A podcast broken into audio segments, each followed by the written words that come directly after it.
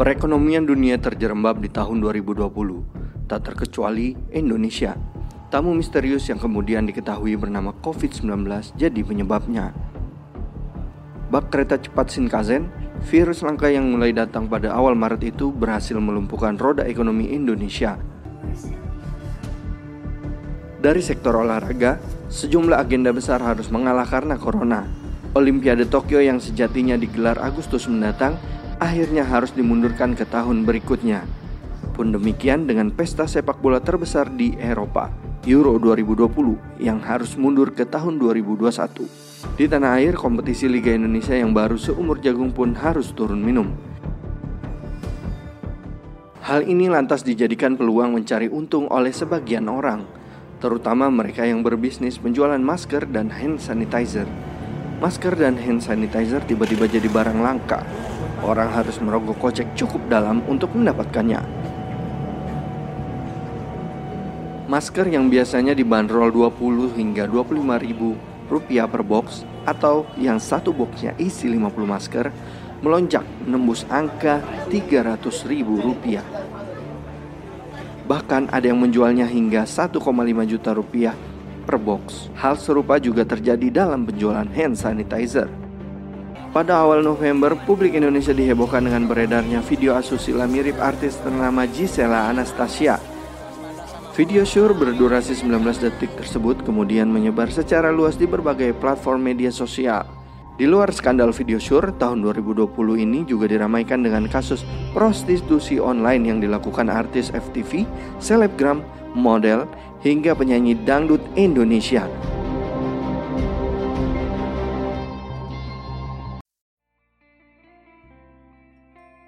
Selamat datang kembali di podcast Murad Marit FM.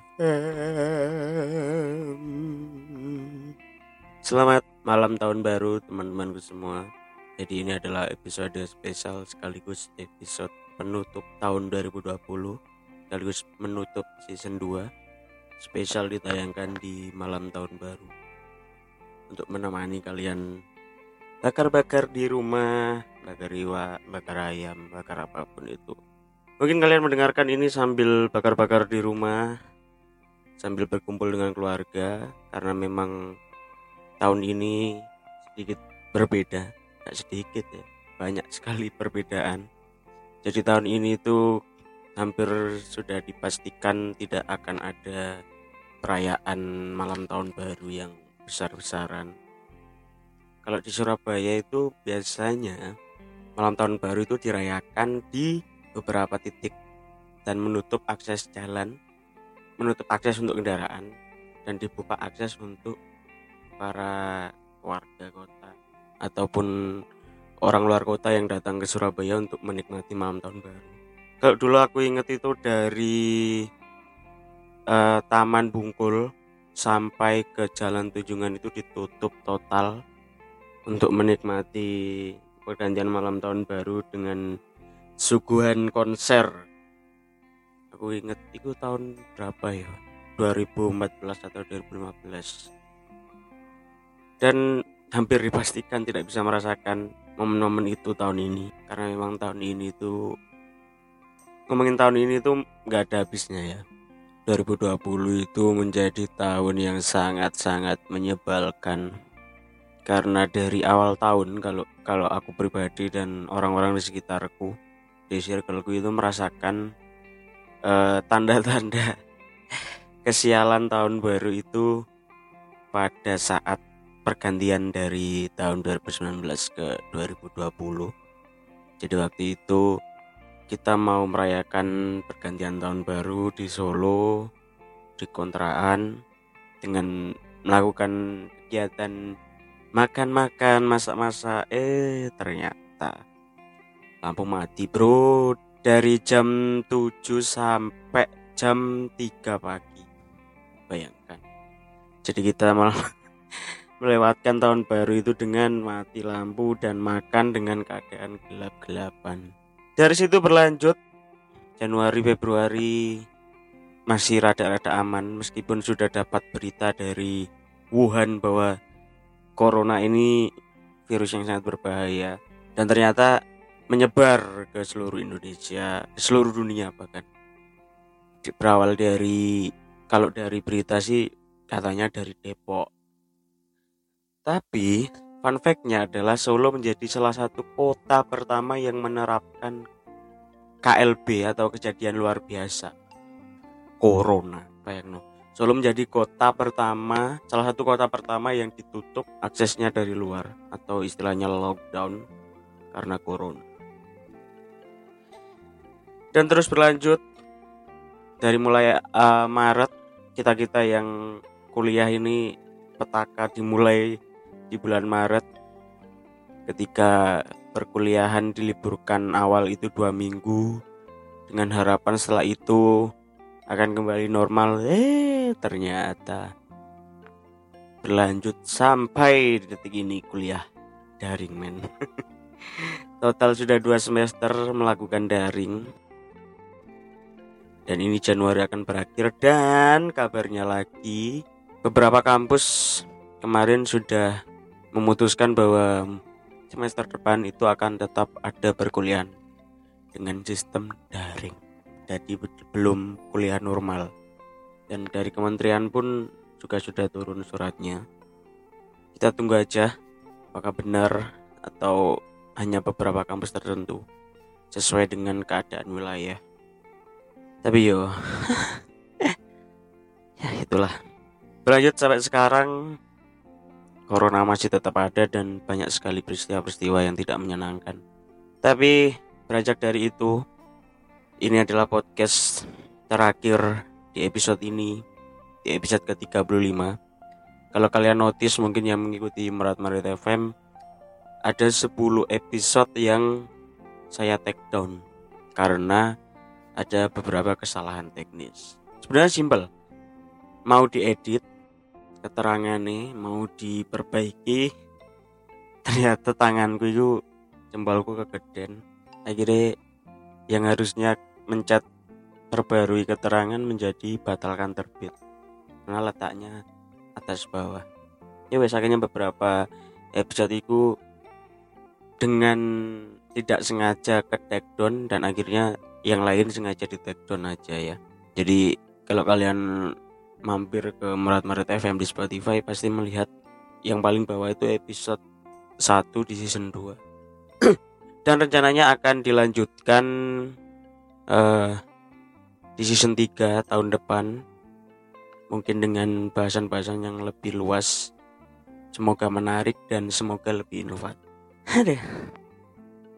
Jadi sedikit mereview Maret Maret FM itu memang hadir untuk melewati pandemi yang berkepanjangan ini.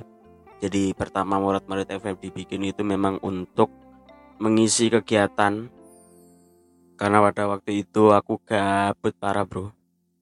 Sehingga menyebabkan saya harus memutar otak untuk mencari kegiatan yang nantinya akan menjadi kebiasaan baru dan mungkin bisa menemukan kenyamanan di situ dan pada akhirnya ya memang ketemu kenyamanan itu dan sekarang menjadi sebuah tanggungan kalau nggak bikin episode baru itu sebuah tanggungan.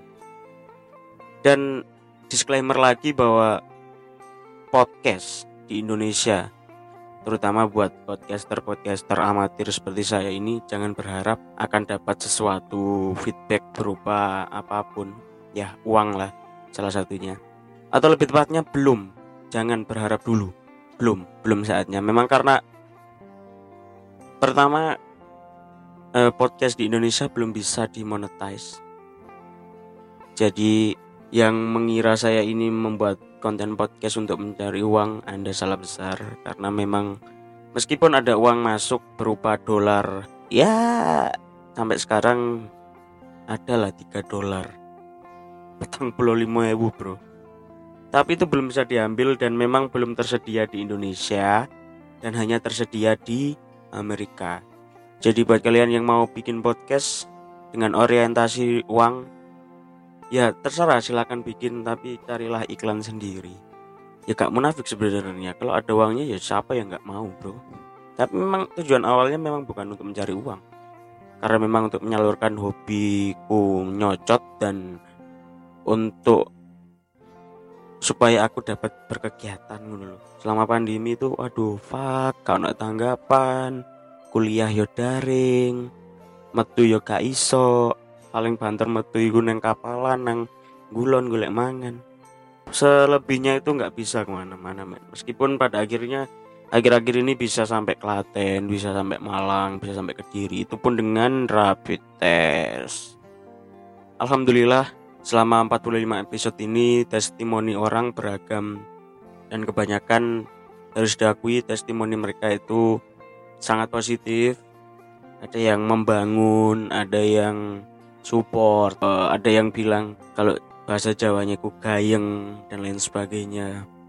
Ya sekali lagi terima kasih buat yang sudah memfollow dan selalu mengikuti Maret Maret FM mungkin sebagai teman di kala kalian ingin miso-miso ingin janjuk-janjuan ada juga yang uh, kesannya tidak mensupport padahal setiap hari mendengarkan. Terima kasih teman-teman. Ada yang kesannya mensupport padahal tidak pernah mendengarkan sama sekali. Dan uh, rencananya di season 3 nanti tidak akan banyak perubahan dari segi konten. Mungkin akan ada perubahan dari konten brand sanitizer karena partner saya Bung Tena itu sudah lulus dan sudah kembali ke negara asalnya di LA Lamongan asli. Makan tuh fresh job.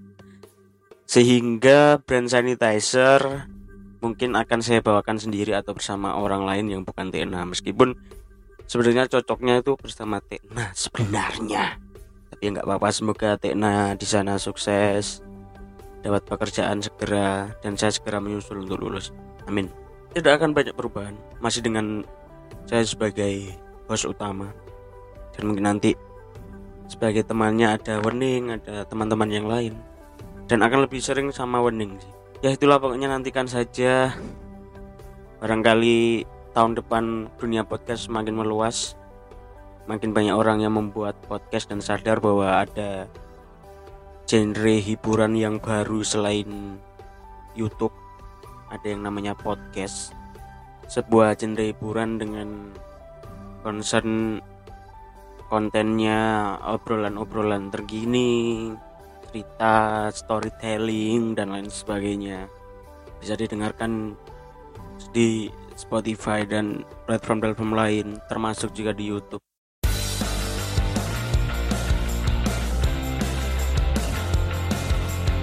Selamat datang di podcast Morat Marit FM. Obrolan hangat bersama Lambang di sini. Welcome back to the Morat Marit FM.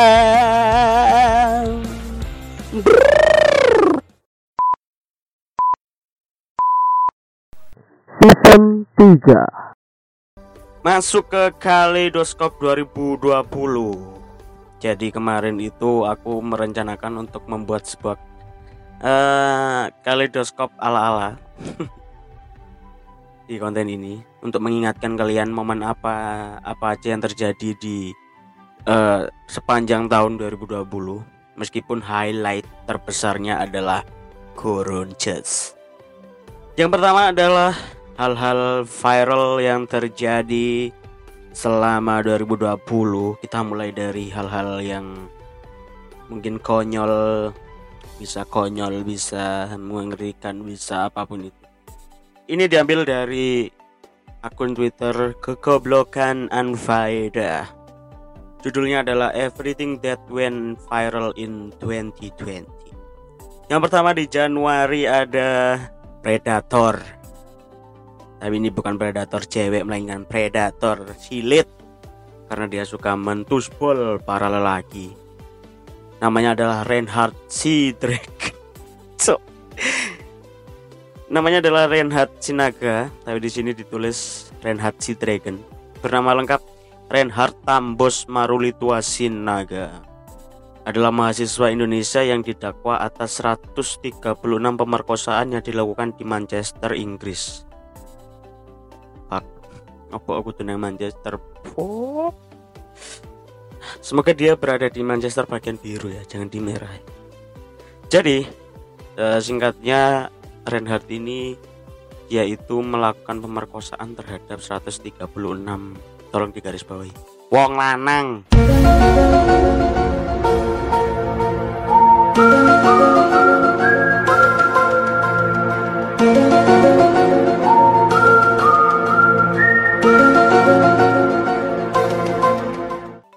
Jadi Renat ini predator seks sesama jenis. Dia modusnya itu memberi tumpangan nginap pada orang-orang yang mabuk di bar. Kemudian ketika dia mabuk tidak sadarkan diri, itu bol silite karo Reinhard. Blok. Karena itu Reinhard dihukum hukuman penjara seumur hidup. Bongkol lah ya wis penjara ya. Itu tadi di Januari yang paling menghebohkan dari Reinhard Sinaga. Kemudian di Februari ini ada kali ini lucu. Ada sesuatu yang viral di bulan Februari. Drama Culametan Midnight Risa Culametan videonya viral di sosmed sampai sampai dia diundang di salah satu stasiun TV Jadi kalau kalian ingat Itu ada uh, Adik-adik kita eh SMP SMP apa SMA lah. Dia tuh bikin video kayak semacam TikTok gitu terus dia lip sync. Lip sync apa nyanyi ini? Pokoknya lagunya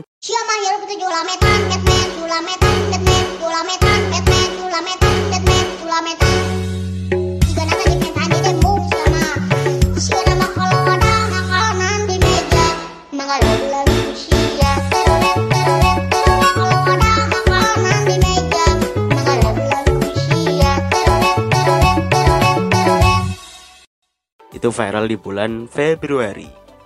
Lanjut di bulan Maret. Oh aduh. Ini ada mas-mas uh, berambut ungu bertato perawakannya kayak preman kumisnya tebel. Perawakannya sangar tapi viral dengan dengan kalimat pucet Video yang viral ini menampilkan seorang yang berpenampilan sangar seperti sedang emosi terhadap orang yang bernama Rizky karena Rizky telah menyakiti hatinya.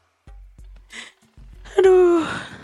Jadi sekarang itu patokan laki-laki normal itu nggak bisa ditebak. Apakah dia hombreng atau tidak itu tidak bisa ditebak, saudara-saudara. Ada contohnya mas-mas ini penampilannya sangar ya kan bertato kumisnya tebel rambutnya dicat. Eh laku. Aduh. Kalau kalian ingat videonya itu dia memang gelagatnya memang seperti seorang bencong ya. Ya memang bencong. Ya itulah. Buat lo cowok-cowok yang udah nyakitin gue waktu SMP fucek dari gue. F U C K fucek apalagi khususnya buat si Rizky tuh. Anak gang sebelah. Pucak kaki pucak lanjut di bulan April. Nah ini.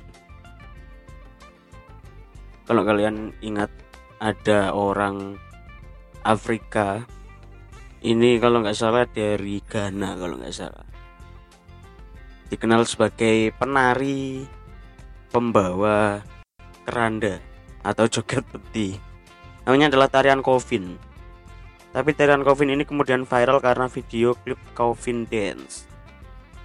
Benar nggak tahu ya uh, musik aslinya itu kayak apa tapi yang jelas yang viral itu di TikTok itu ada musiknya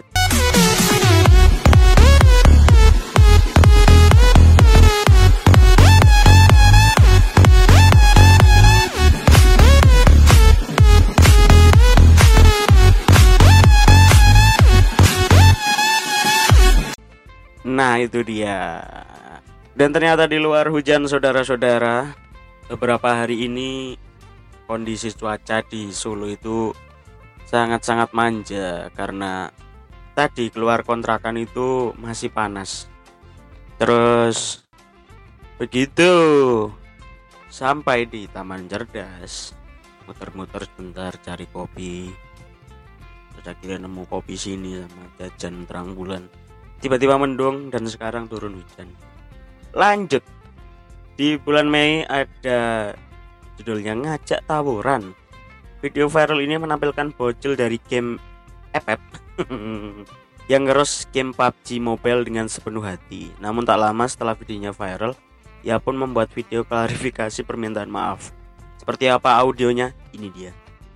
Halo guys, kembali di channel asal nggak tapahyan. Oke guys, kamu tahu nggak game PUBG itu game haram? Hah? Game haram itu nggak ada gunanya. Ada sajadah, sajadah kan untuk sholat ya, kan? lebih bagusan FF tuh. Hah? Dasar game PUBG. Udah mendingan jangan main PUBG. PUBG itu game haram, hah? Di PUBG punya skin nggak? Ya skinnya jelek aja cuma gambar. Di FF dong punya skin legends, skin senjata legend. Hmm?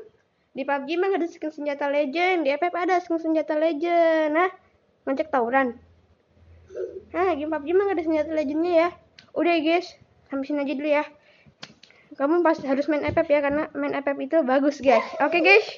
Nah, jangan lupa subscribe karena subscribe itu gratis. Nanti aku akan mengadakan giveaway alok jika mencapai 10 juta subscriber. Nah, giveaway aloknya buat dulu dua orang pemenang saja. Caranya nickname Free Fire dan ID Free Fire kalian. Oke, sampai jumpa.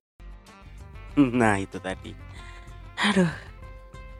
Bocil zaman sekarang memang luar biasa ya. Gara-gara game online mereka bisa sok-sok dewasa, sok-sok nantang wong begitu ketika viral minta maaf. Tolonglah dek jangan seperti itu ya. Jangan jadi mental-mental youtuber kampungan gitu ya.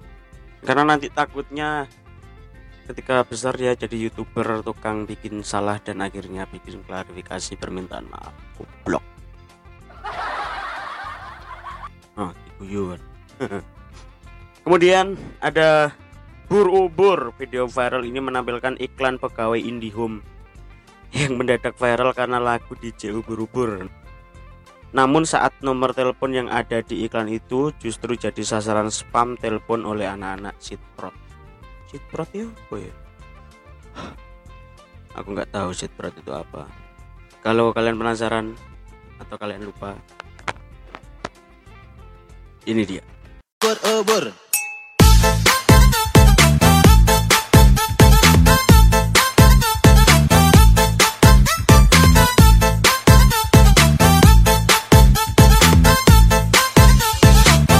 Ubur, ubur, ubur. Nah itu tadi ya. Sebenarnya itu eh sebuah iklan yang menarik loh. Karena dia eh, berusaha kreatif lah. Tapi kalau di Indonesia nggak tepak sitik, unik sitik, akhirnya jadinya viral. Sebelumnya disclaimer, mohon maaf kalau audionya ada kemeresek karena ini ada pengaruh dari suara hujan di luar. Kemudian lanjut di bulan Juli, ini viral lagi. sebenarnya ini sesuatu yang sangat saya benci, apalagi kalau bukan sinetron alay Indonesia. Yang viral dari jendela SMP. Mulan Joko. kata orang sinetron itu tidak mendidik ya. Tapi sinetron ini diputar maghrib-maghrib ketika anak-anak belajar dan segmentasi mereka adalah anak-anak. Tolong digarisbawahi anak-anak.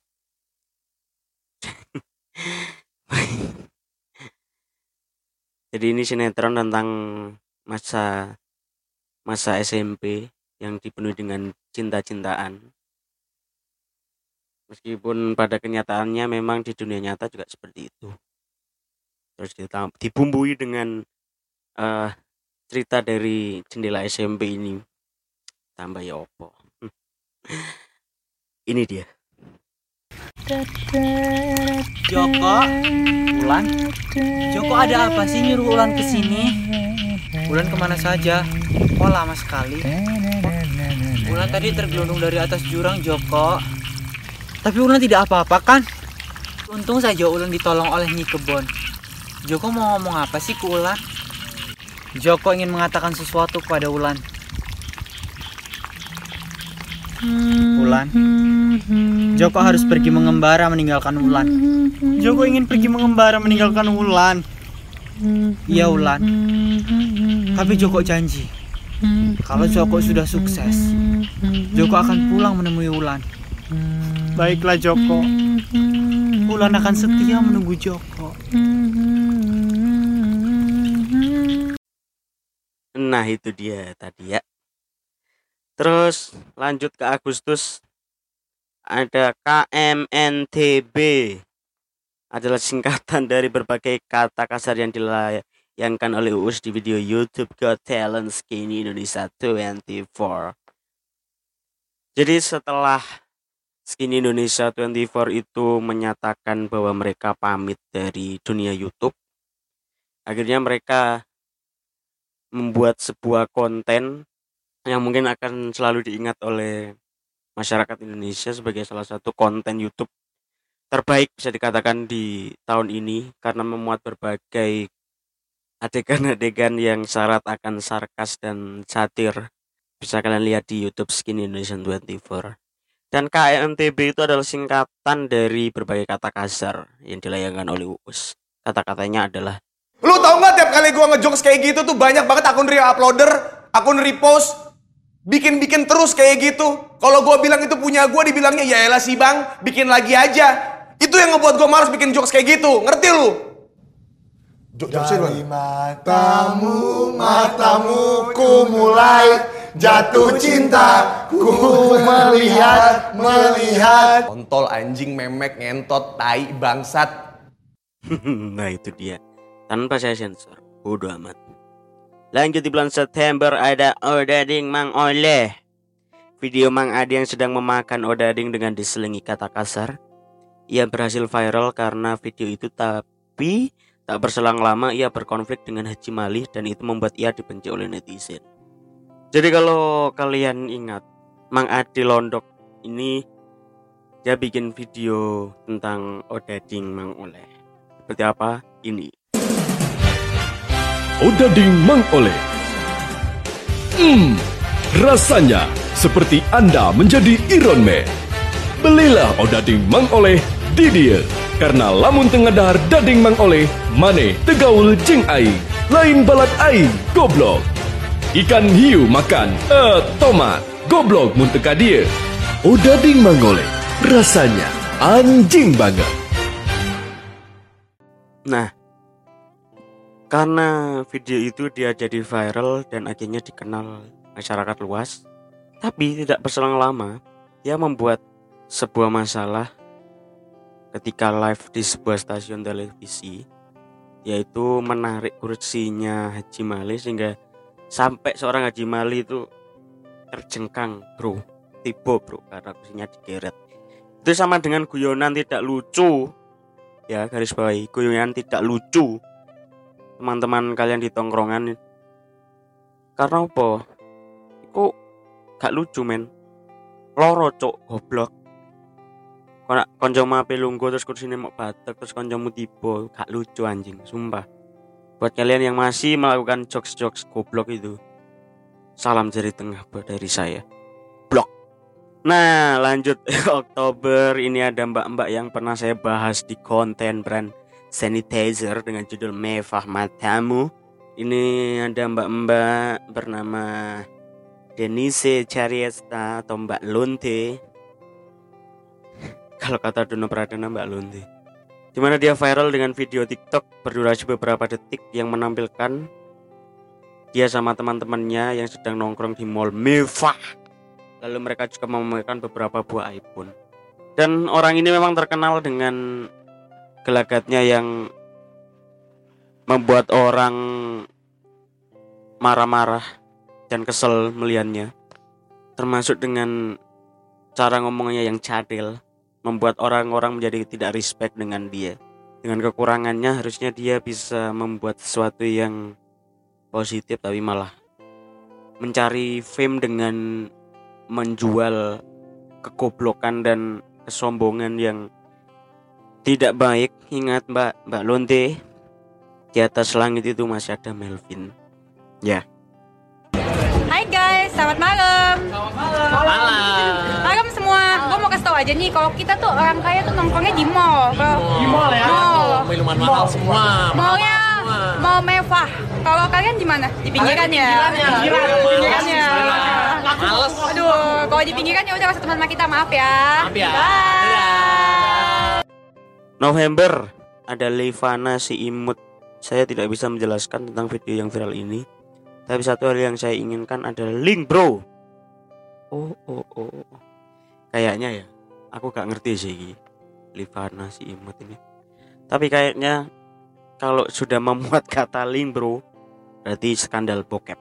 Jadi maaf kalau saya tidak bisa me- memperlihatkan. Soalnya aku gak nemu video ini. Lanjut di Desember. Pacaran tidak perlu no tawuran nomor satu.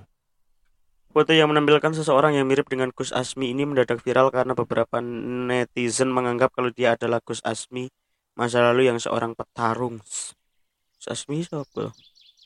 Hmm, tahu lah. Ya, jadi itu adalah meme yang viral di tahun 2020. Hal-hal yang viral berisi hal-hal yang lucu, konyol, kreatif, mengerikan, goblok, dan itu itulah. Terus berlanjut eh satu kaleidoskop lagi dari Vice Indonesia. Jadi Vice Indonesia itu menyusun hal-hal buruk yang terjadi sepanjang 2020. Dan disclaimer mungkin durasi podcast ini akan menjadi sangat panjang. Silakan didengarkan kalau berminat. Kalau tidak nangket terus lewat kali, aku gak ngurus. Terima kasih. Yang pertama adalah siaran langsung Instagram. Iya sih. Tapi aku eh, agak nggak sependapat dengan Vice ya. Cuman memang banyak sekali live Instagram selama pandemi karena mungkin itu salah satu yang bisa mereka lakukan untuk mengisi kegiatan. Dan mungkin itu menjadi positif karena silaturahmi tetap terjaga meskipun jarak jauh. Cuman mungkin yang yang eh, di highlight oleh Vice Indonesia ini mungkin karena yang dibahas mereka itu kebanyakan adalah hal-hal sehari-hari. Yang which is which is orang-orang banyak yang nggak peduli dan nggak mau tahu. Dan kebanyakan juga mereka selama ini yang aku tonton ya dari circle circleku sebagai ya orang-orang. Aku nontonnya ya memang kebanyakan mereka jadinya mengumbar mengumbar sesuatu yang jatuhnya menjadi sebuah kesombongan. Entah itu aku selama anu ini alhamdulillah lebih kreatif buat konten ini, coba kalau kena corona gak mungkin cok tadi budak konten ya kan? Terus beberapa konser dibatalkan termasuk yang paling paling viral itu konsernya Raisa di GBK yang akhirnya terpaksa dibatalkan. E, sebenarnya konser itu kan mau mau dilaksanakan kalau nggak salah November atau Desember, tapi karena Koronces ini harus dibatalkan. Jadi tahun 2020 ini konsernya online. Termasuk eh sekelas Synchronize Fest kemarin untuk pertama kalinya disiarkan di televisi dengan tanpa penonton. Ya sing nonton yang omah. Dan ya silakan dinilai sendiri. Terus ketika ini ini setuju. Ki wong wong goblok yang menimbun barang untuk mementingkan keuntungan pribadi. Ada yang menimbun masker menimbun hand sanitizer Terus yang paling bangsat lagi satu kotak masker itu bisa dijual dengan harga ratusan ribu. Kan anjing ya. Kalian kalau ingat di awal-awal corona itu kalian pasti notice bahwa mencari hand sanitizer itu susah sekali di seluruh uh, minimarket, swalayan dan lain sebagainya pasti habis dan susah didapat termasuk juga masker. Jadi buat kalian para penimbun datungan nunggu beratmu dibanjiri hand sanitizer mbak masker cuk blok Kopi dalgona. Jujur saja rasanya nggak enak sama sekali. Iya sih. Dulu pernah ya, pas bulan puasa itu monot iksan buat dalgona dan jadi. Memang rasanya itu ya aneh sih. Bayangkan kalau biasanya kopi susu itu kopi terus dicampur susu, ini dibalik. Susu toppingnya kopi. Ketika diminum secara terpisah belum nyampur, rasanya aneh. Dan ketika dicampur semakin aneh. Ya itulah. Dan memang dalgona itu menjadi salah satu produk kuliner viral yang tidak bertahan lama. Meskipun pada akhirnya banyak sekali coffee shop yang memasukkan dalgona ke menu mereka. Ya. Tapi menurutku ya cukup di situ aja sih dalgona. Terus teori konspirasi COVID-19. Ya termasuk korbannya adalah Jerry Saidi. Aku nggak tahu ya. Semakin ke sini apakah COVID ini konspirasi atau enggak. Tapi yang jelas semakin ke sini semakin banyak kasus tentang COVID. Dan sampai sekarang juga keyakinanku akan COVID itu 50-50 bahwa COVID ikut temenan apa enggak? Dibilang temenan dibilang nek temenan iki kok aman-aman aja circleku. Dibilang nggak ada itu kok akeh sing wong ya jangan membahas dari konspirasi kok kok tek di down. Konsep waktu itu sekarang hari apa ya? Hmm ya ya ya. Ya ini yang jadi salah satu masalah. Jadi selama corona ini banyak sekali pemikiran-pemikiran rencana-rencana yang akhirnya gagal diwujudkan dan pada akhirnya menjadi sebuah uh, perencanaan yang seiring berjalannya waktu hilang dan dilupakan. Termasuk aku sih. Banyak sekali perencanaan yang lupa. Pelanggar protokol kesehatan ya banyak sekali. Pelanggar protokol kesehatan yang apa ya banggel dengan kebanyakan embel-embel itu corona ini konspirasi bla bla bla bla saya kira mereka ditangkap dihukum dan lain sebagainya. Ah, capek ngurusin gitu-gitu. Ada UU Ciptaker pemerintah telah meloloskan undang-undang cipta kerja yang kontroversial. Rancangan undang-undang ini memang sudah dikecam aktivis sejak dulu. Tapi kurangnya transparansi dari pemerintah menyulut amarah yang lebih besar di kalangan masyarakat. Dan memang ini terjadi uh, sekitar bulan September atau November uh, Oktober atau ah lupa uh, tolong diingatkan saya. Intinya terjadi demo besar-besaran dan salah satu pergerakan mereka itu dimotori oleh mahasiswa. Termasuk di Solo ini kemarin terjadi demo besar-besaran di Kartosuro. Terus ada lanjut terakhir ini perubahan iklim di hari pertama saja, alam sudah menunjukkan bahwa 2020 akan menjadi tahun yang penuh cobaan. Betul. Belum juga lewat sehari senang-senang habis party dan bikin resolusi, sejumlah wilayah di tanah air langsung diterjang banjir bandang. Tragisnya lagi, akibat pandemi, banyak orang lupa banjir tahun ini adalah bukti nyata dampak perubahan iklim. Betul. Mungkin di daerahku nggak ada yang namanya banjir. Meskipun potensi banjir itu selalu menghantui. Dan pada akhirnya merasakan perubahan iklim sangat sangat sangat merasakan termasuk curah hujan yang tidak menentu. Hujan sekarang nggak hanya turun di malam hari atau di siang hari, bahkan pagi hari pun ketika kita membuka mata, ah, selamat pagi dunia, sudah hujan. ya itulah. Semoga iklim cepat membaik karena dampak salah satu dampak positif dari corona kemarin adalah kembalinya lapisan ozon karena berkurangnya polusi udara. Kemudian selain hal hal-hal viral, kemudian banyak kehilangan ide tapi juga ada hikmah di balik itu termasuk mendapat rezeki di akhir tahun seperti ini saya bisa beli HP terima kasih Sri Jasa Sang Amurwa Bumi. Hmm, saya menganggap bahwa event tersebut adalah rezeki besar saya rezeki terbesar saya dan pencapaian tertinggi saya selama tahun 2020 selain saya bisa beli HP saya juga bisa mendapat keluarga baru yang semakin membuka uh, cakrawala dunia saya. Waduh. Ya intinya terima kasih sahabat Nusa.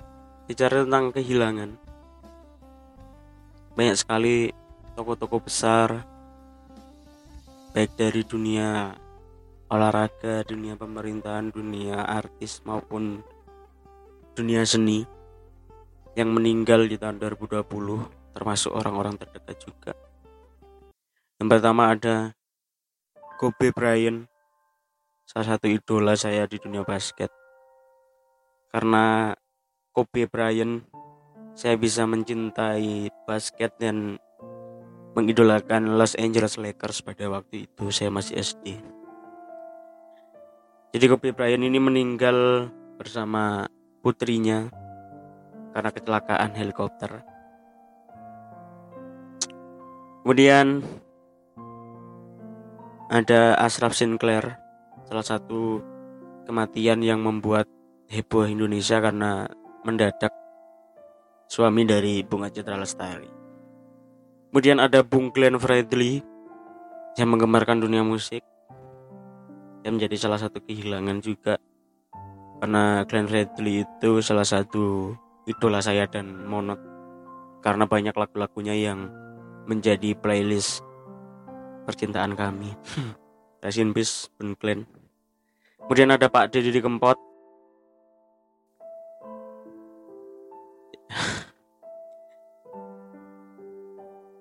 sedih saya jujur. Kalau kehilangan Pak Didi Kempot ini sangat sedih karena beliau ini selain ketika sudah naik lagi beliau ini juga zaman saya kecil juga mengisi soundtrack kehidupan saya termasuk dengan lagunya yang sangat legend Puncung. Dan karena beliau juga musik daerah itu terangkat kembali terutama musik pop Jawa. Di kancah nasional bahkan sampai masuk ke sinkronize dan rencananya juga film beliau berjudul Sobat Amjar yang merupakan salah satu karya terakhir beliau akan segera tayang. Atau mungkin sudah tayang. Di Netflix mungkin. Kalau nggak salah. Terus ada Hengki Sulaiman beliau aktor senior yang banyak menghiasi film-film Indonesia. Kalau kalian tahu film-film dari mulai drama, horor, komedi semua ada beliau. Termasuk film-film warkop zaman dulu. Meskipun nggak banyak muncul. Tapi pasti kalian tahu. Terus ada komedian legend Omas. Terus ada Mbah Sapardi Joko Damono beliau seorang sastrawan yang sangat terkenal dan salah satu karya terbesarnya yang diketahui anak-anak milenial adalah Hujan di Bulan Juni. Kemudian ada Chadwick Boseman, pemeran King T'Challa di Black Panther yang membuskan napas terakhir juga. Kemudian ada dari dunia seni tradisi ada Pak Seno Nugroho di mana uh, meninggalnya beliau ini menjadi salah satu kehilangan terbesar di jagat pedalangan dan jagat seni. Karena meninggalnya juga mendadak dan banyak orang yang tidak percaya. Karena kembali lagi beliau meninggal pada saat berada di puncak karir Semoga Kusnul Khotimah. Amin. Kemudian ada Mas Hendro Sabrang. Buat kalian yang nggak tahu, Mas Hendro Sabrang ini salah satu seniman besar di Jawa Timur. Beliau terkenal dengan inovasinya wayang kepang, menghidupkan kesenian jaranan, merangkul anak-anak muda untuk mencintai kesenian, membuat channel YouTube, dan beliau merupakan putra dari seorang dalang Jawa Timuran yang juga besar di Jawa Timur, yaitu Pak Bambang Sugio. Meninggalnya karena konon kabarnya sakit paru-paru. Semoga surga langgeng.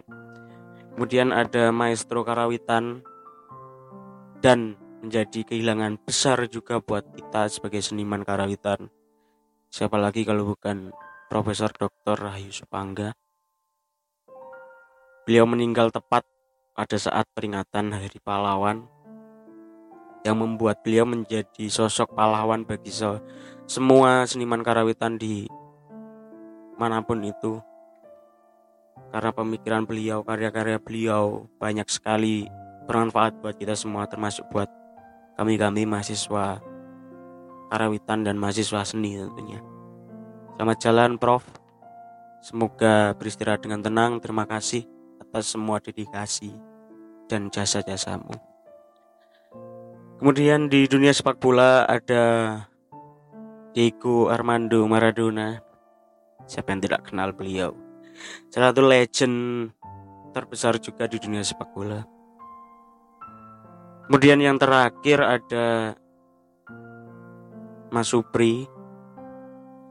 Beliau adalah guru jurusan tari SMKI Surabaya dan merupakan salah satu murid dari Babi Saryono.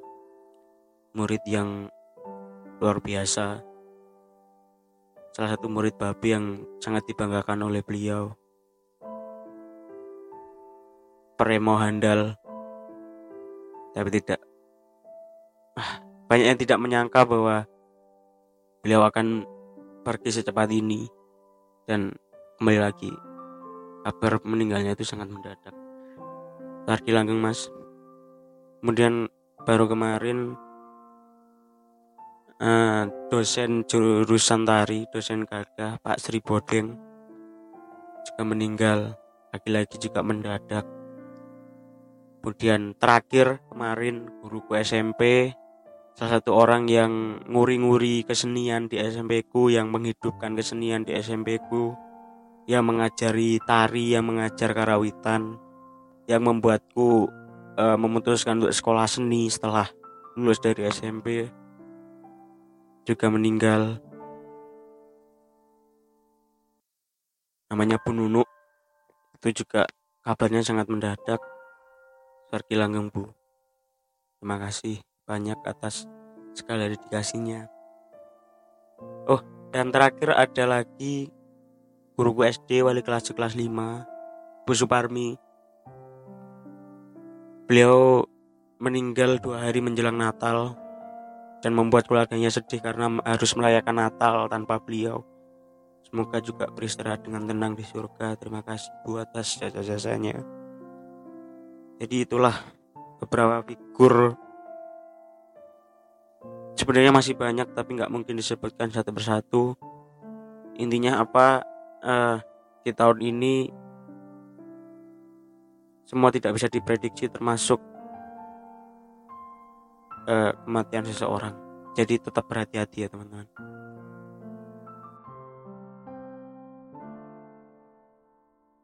pesanku buat teman-teman dan harapanku di tahun baru.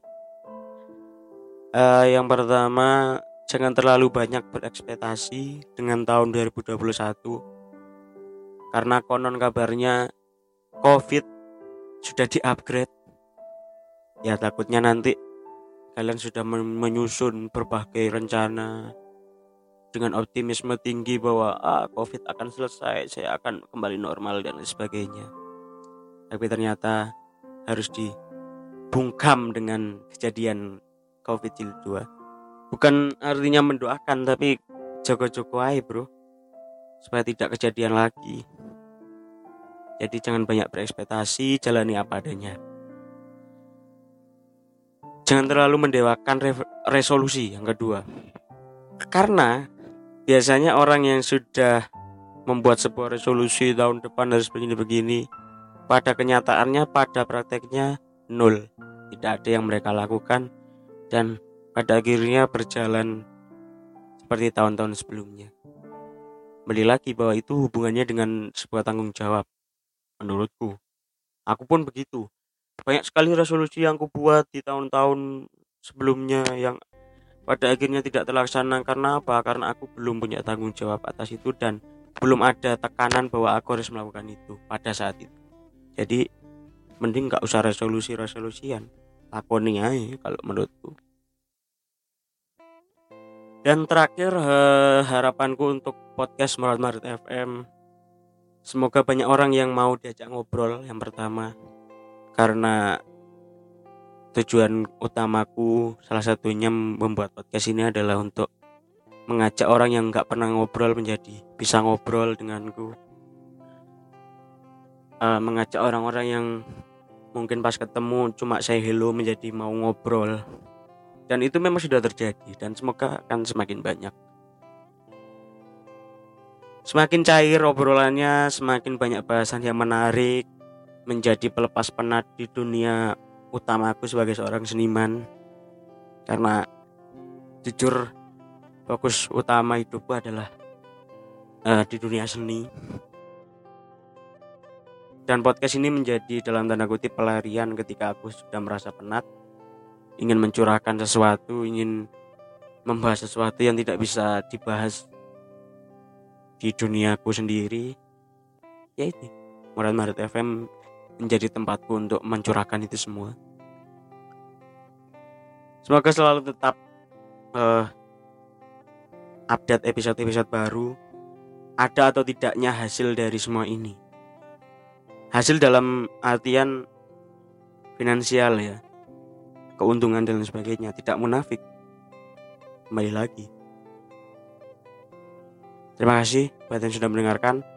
Selamat tahun baru 2021 jangan terlalu banyak berekspektasi. Optimis saja jalani dengan penuh keikhlasan dan tanggung jawab. Semoga dibukakan jalan yang terbaik untuk kita semua. Dadah